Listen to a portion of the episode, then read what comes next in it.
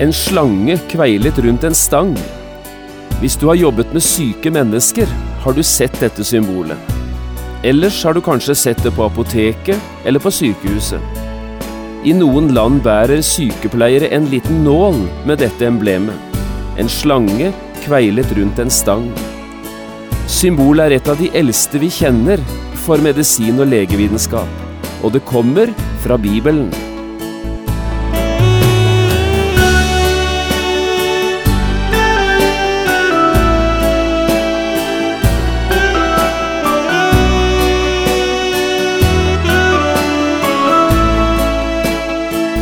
Hjertelig velkommen til et nytt program i serien Vindu mot livet. Programmet er produsert av Kristen Riksradio og blir ledet av Jon Hardang. Kristen Riksradio drives av frivillige gaver. Vi er glade for din støtte.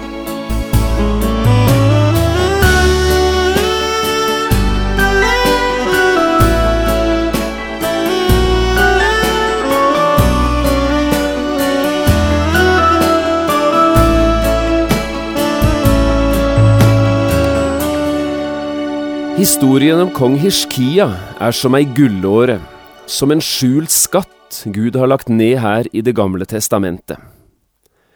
Men blant alt gullet, blant alle disse dyrebare sannhetene vi grammer fram fra historien om kong Hishkia, ligger det også et stykke kobber.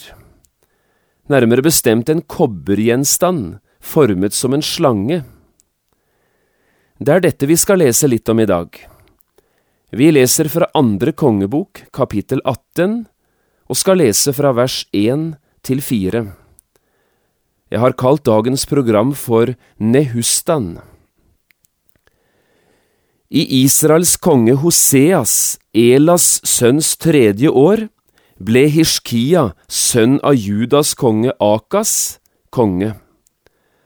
Han var 25 år gammel da han ble konge og han regjerte 29 år i Jerusalem. Hans mor het Abi og var datter av Zakaria. Han gjorde det som var rett i Herrens øyne, slik som hans far David hadde gjort. Han la ned offerhaugene og slo i stykker billedstøttene og hogg ned av startebildet, og knuste den kobberslangen som Moses hadde laget. For like til denne tid hadde Israels barn brent røkelse for den. De kalte den Nehustan.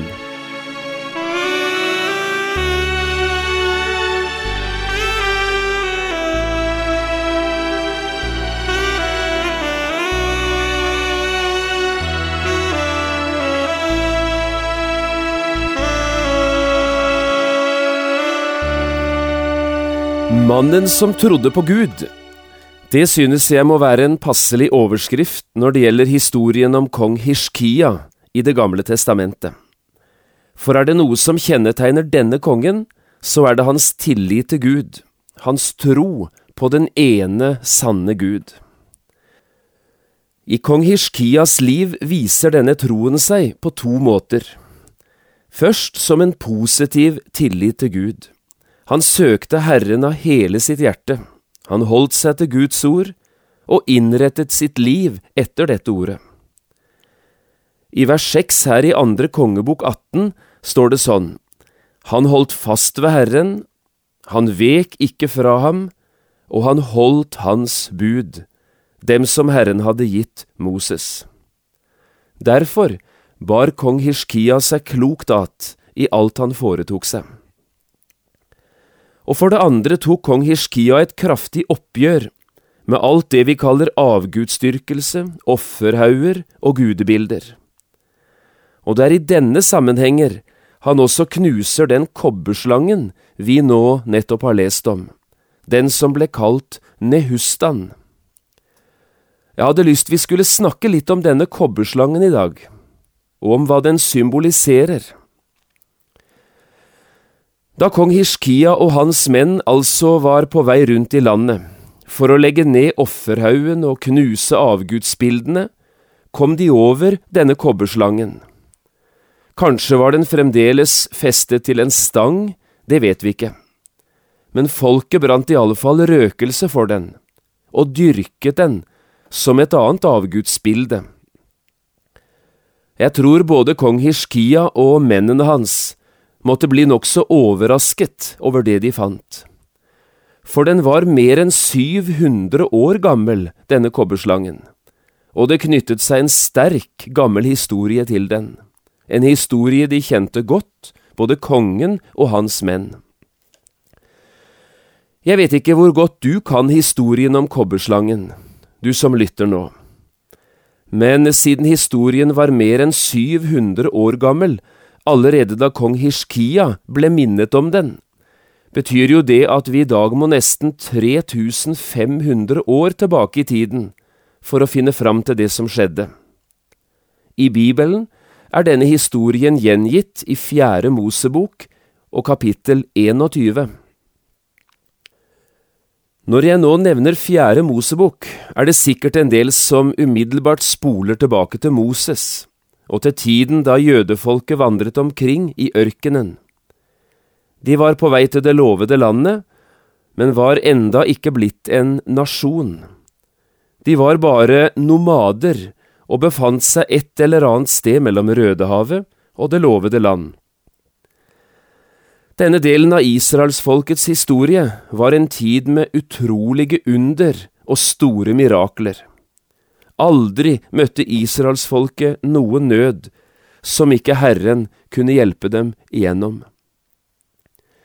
Derfor virker det ganske rart når vi møter israelittene ved fjellet Hår.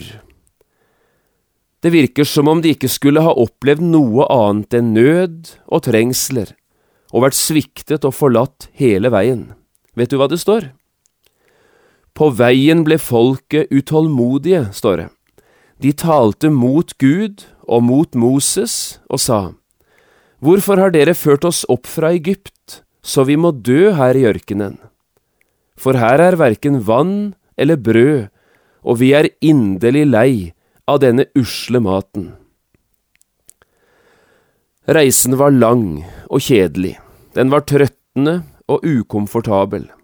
De vrikket anklene på store steiner, de var varme og tørste, og mer enn én gang sa de, Vi hater denne mannen. En mann sa en gang, Det trengs himmelsk appetitt for å sette pris på himmelsk mat. Og slik appetitt hadde tydeligvis ikke israelittene. Den himmelske maten fikk dem i stedet til å klage og sutre og det varte ikke lenge før hele folket var i gang med å murre, skikkelig irriterte.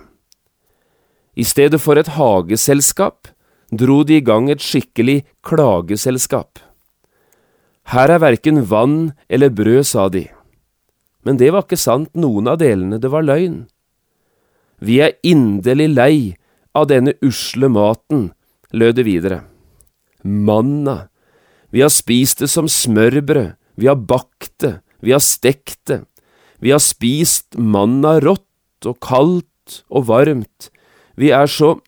vi har manna langt opp i halsen. Nå virker det som Gud til vanlig er ganske overbærende med oss mennesker. Han er utrolig tålmodig med vår utålmodighet. Vanligvis tier han helt stilt også når vi synder og gjør gale ting. Vanligvis ser han forbi våre feil og fall, og fortsetter i stedet med å ta vare på oss.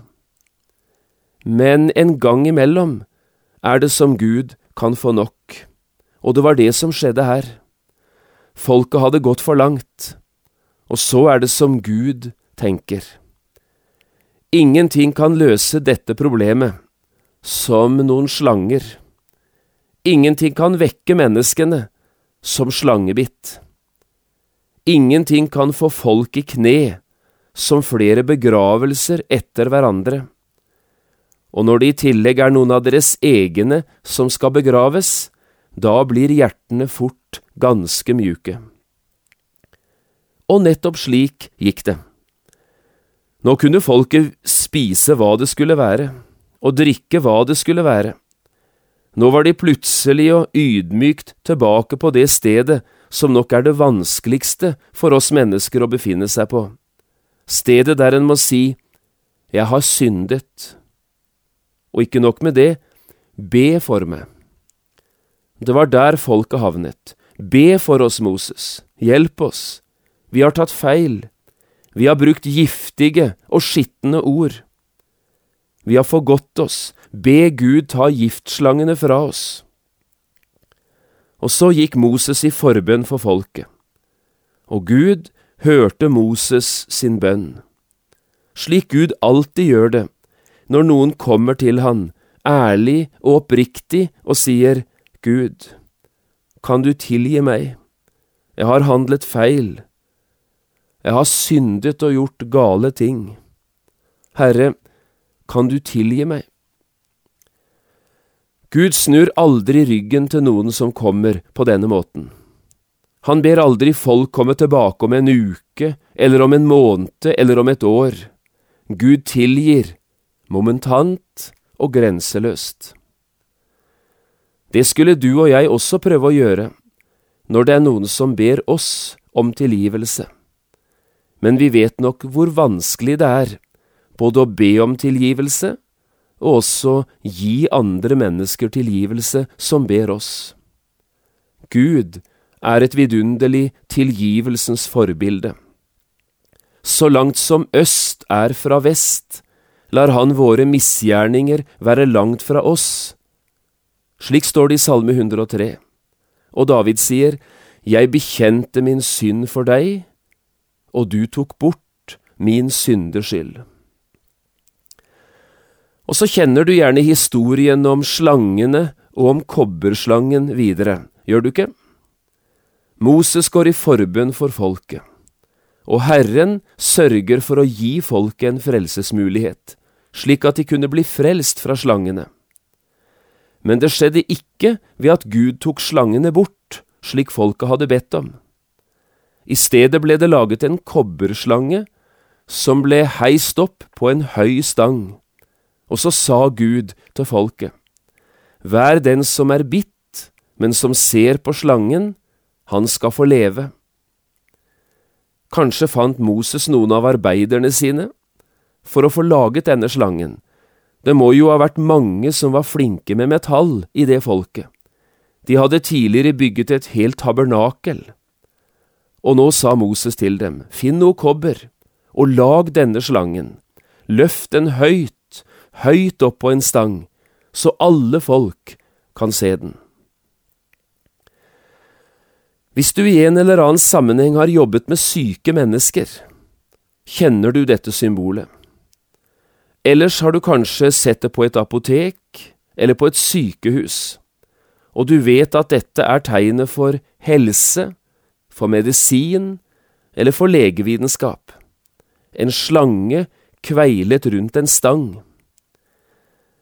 I noen land finnes det sykepleiere som bærer en liten nål med dette symbolet, og i andre land, i det militære, er slangen oppe på stangen symbolet for hærens sanitet. Nå forstår du hvorfor, gjør du ikke? Dette symbolet er laget på grunn av det som skjedde med israelittene her i ørkenen. Symbolet er et av de aller eldste symbolene vi kjenner for det som har med legekunst og medisiner å gjøre. Dette må jo ha vært en utrolig måte å bli frisk på, syns du ikke? Tenk deg situasjonen, alt du måtte gjøre for å bli frisk. Og som du var dødssyk, var å se. Bare se på denne kobberslangen, og så følte du deg straks bedre. Kobberslangen var som en slags motgift mot sykdommen, som spontant strømmet igjennom kroppen. Raskt og effektivt virket det. Så deilig det må ha vært å kjenne hvordan livet kom tilbake. Dette var en viktig hendelse for israelittene, men ikke bare for dem. Hendelsen er viktig også for oss, som lever mange hundre år etter det som her skjedde. Og du husker kanskje noe Jesus en gang sa? I samtalen med Nikodemus, mannen som han møtte til en nattlig samtale.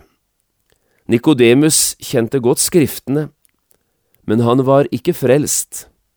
Og så sier Jesus, like som Moses opphøyet slangen i ødemarken, slik skal menneskesønnen opphøyes, for at hver den som tror på Han, skal ha evig liv. Det var nettopp dette Jesus snakket om. Sammen med Nikodemus gikk han tilbake i historien, til denne dagen for lenge siden, da det skjedde som vi nå har snakket om. Og så gjorde Jesus denne kobberslangen i ørkenen til en fantastisk illustrasjon på betydningen av hans eget kors og hans egen død. Når vi nå har gjenfortalt historien om kobberslangen fra fjerde Mosebok 21, skulle vi kanskje tenke at det var det i Israels historie. Men da må vi tenke om igjen. For historien om kobberslangen tar ikke slutt i fjerde Mosebok 21. Her i andre kongebok 18, som vi nå har lest sammen fra i dag, får vi høre resten av historien om denne kobberslangen.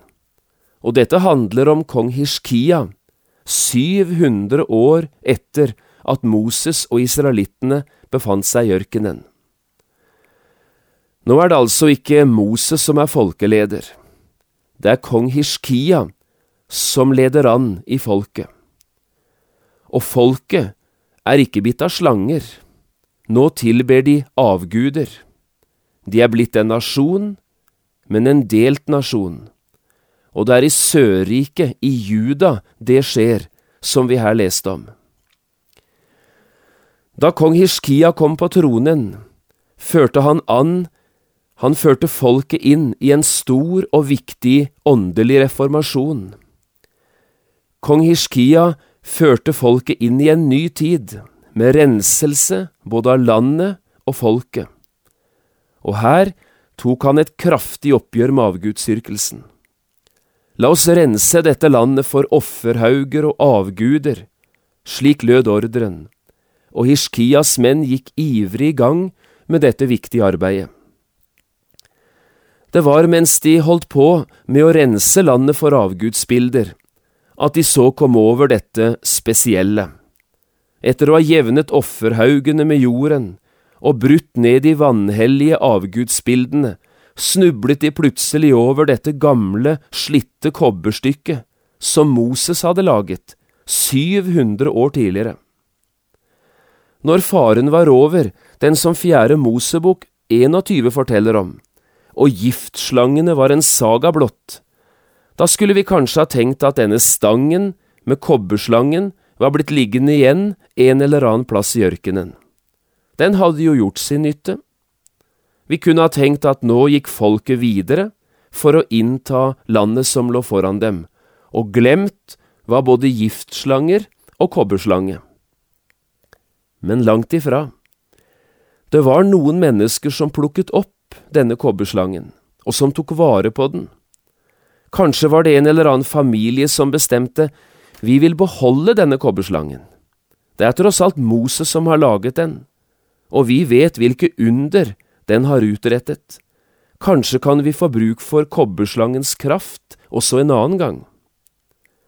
Og så begynte de en del tid seinere å brenne røkelse for den, dyrke den som en avgud. Kanskje ikke full offentlighet, men likevel. På et eller annet skjult sted i landet utviklet det seg så en egen kult, en dyrkelse av kobberslangen, av Nehustan. Det som tross alt bare var et stykke kobber, ble dyrket som en gud. Egentlig var det bare en verdiløs gjenstand som kunne ha vært kastet etter den var brukt. Det var jo ikke kobberslangen som hadde berget folk fra giftslangene. Det var Gud, Israels Gud, som hadde berget dem, ikke kobberslangen. De kalte den Nehustan, leste vi her. Men kong Hishkia knuste hele kobberslangen. Gud hadde brukt den, men nå dyrket folket frelsesmiddelet i stedet for frelseren, og det ville kong Hishkia ikke ha noe av. Jeg synes dette er både tankevekkende og lærerikt, og jeg synes vi skal tenke litt på dette som vi nå har lest, også med tanke på det vi kan oppleve i dag, vi som lever med Gud. Ingen av oss brenner vel røkelse for noen kobberslange, selvsagt gjør vi ikke det. Men det er ikke den eneste måten å bli en religiøs eller kristelig avgudsdyrker på. Hør bare etter. Gjennom hele kirkens historie har det vært dyrket relikvier, for eksempel, en bit av Jesu kors eller et tøystykke som en eller annen berømt kristen har brukt, eller kanskje et gravsted. Og så tror folk at det er knyttet spesielle overnaturlige krefter til dette. Det er Nehustan. Det finnes mennesker som i dag tilber sin egen omvendelsesopplevelse. Hver gang de skal vitne om Gud, blir det en gjentagelse av det som skjedde da de ble omvendt. Stedet, klokkeslettet, datoen og løsningsordet. Også det kan lett bli Nehustan, for ofte blir dette den eneste måten disse menneskene aksepterer at det går an å bli frelst på. Noen dyrker lærefeder og bekjennelsesskrifter som de løfter høyere enn Bibelen. Andre tilber sine åndelige ledere, som riktignok var til stor hjelp for dem, men som likevel ikke var mer og annet enn redskaper Gud brukte. Dette er Nehustan. Noen tilber ritualer og møteformer og arbeidsmetoder. Alt må foregå etter et bestemt mønster, ellers kan Gud selvfølgelig ikke bruke det. Nehustan. Og slik kunne vi ha fortsatt dåpsattester og dåpshandlinger og åndsdåpopplevelser, bønnesvar og åndelige høydepunkt, tungetale, prinsipper for kirkevekst, kirkeordninger og åndelige ledere i direkte linje bakover til aposteltiden. Vi kunne bare ha fortsatt. Det er Nehustan, eller iallfall kan bli det, hele veien. Jeg syns vi skal tenke oss om. Vi har vel ikke begynt å tilbe noe annet enn den levende Gud. Vi dyrker vel ikke som noe guddommelig ting som Gud nok kan ha brukt, og som har vært både riktige og viktige for mennesker, men som Gud aldri hadde tenkt vi skulle tilbe. Herren din Gud skal du tilbe, og Han alene skal du tjene, svarte Jesus da djevelen fristet ham. Det skal vi også gjøre i stedet for å lage oss moderne utgaver av Nehustan. La oss vokte oss for alt dette som kan bli noe i stedet for Jesus. For du vet hva Bibelen sier, gjør du ikke? Vær den som har Sønnen og tror på Han. Han skal ha evig liv.